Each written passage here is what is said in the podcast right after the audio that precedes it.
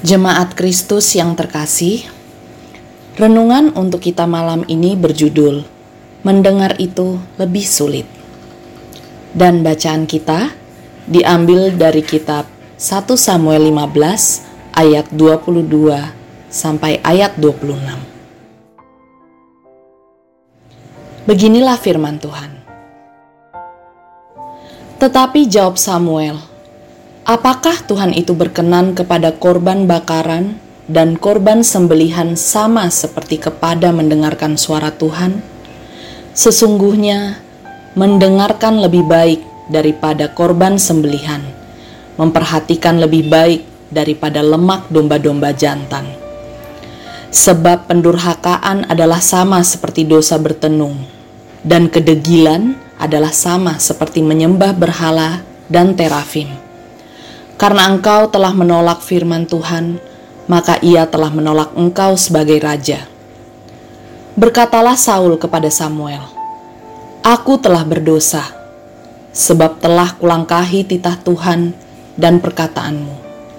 Tetapi aku takut kepada rakyat, karena itu aku mengabulkan permintaan mereka.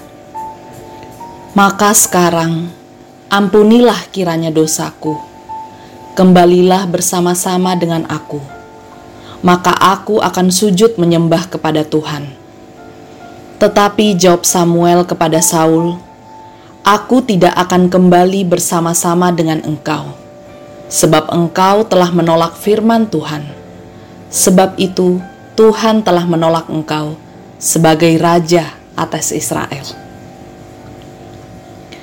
Peristiwa yang terjadi dalam bacaan kita saat ini adalah saat Saul mendapat teguran dari Tuhan melalui Samuel, karena ia tidak menuruti sepenuhnya kehendak Tuhan. Saul, setelah mengalahkan orang Amalek, justru menjarah kepunyaan mereka, bukan menumpas habis bangsa tersebut seperti kehendak Tuhan. Akibat peristiwa ini, Allah menyatakan tidak lagi menerima Saul sebagai raja atas Israel dan akan menggantikannya dengan orang lain yang lebih pantas. Kita ini bisa dikatakan lebih beruntung daripada Saul. Mengapa demikian? Mari coba kita hitung. Berapa kali kita tidak mendengarkan suara Tuhan? Rasanya lebih banyak daripada yang dilakukan oleh Saul, bukan? Tetapi kita masih merasakan dan mendapatkan berkat dari Tuhan yang begitu luar biasa. Dan yang lebih aneh, kita lebih sering menerima masukan dari teman kita yang jelas-jelas kita tahu bahwa yang disarankan adalah sesuatu yang buruk. Sedangkan apa yang dikatakan Tuhan, walau itu benar, kita kesampingkan karena merasa itu susah untuk dilakukan. Mendengar itu memang gampang-gampang susah. Mudah kalau kita yang dengar adalah sesuatu yang kita sukai. Sulit kalau kita tidak suka dan tidak setuju dengan hal tersebut. Namun, yang harus kita cermati adalah kita harus mendengar suara Tuhan, baik itu tentang hal yang kita sukai maupun yang tidak. Karena percayalah bahwa hal yang tidak kita sukai sekalipun bila itu datangnya dari Tuhan, maka akan membawa kebaikan untuk kita.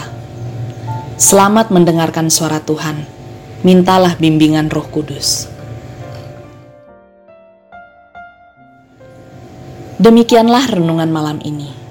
Semoga damai sejahtera dari Tuhan Yesus Kristus tetap memenuhi hati dan pikiran kita. Amin. Jemaat yang terkasih, Mari kita bersatu hati menaikkan pokok-pokok doa yang ada dalam gerakan doa 21 GKI Sarua Indah. Mari berdoa.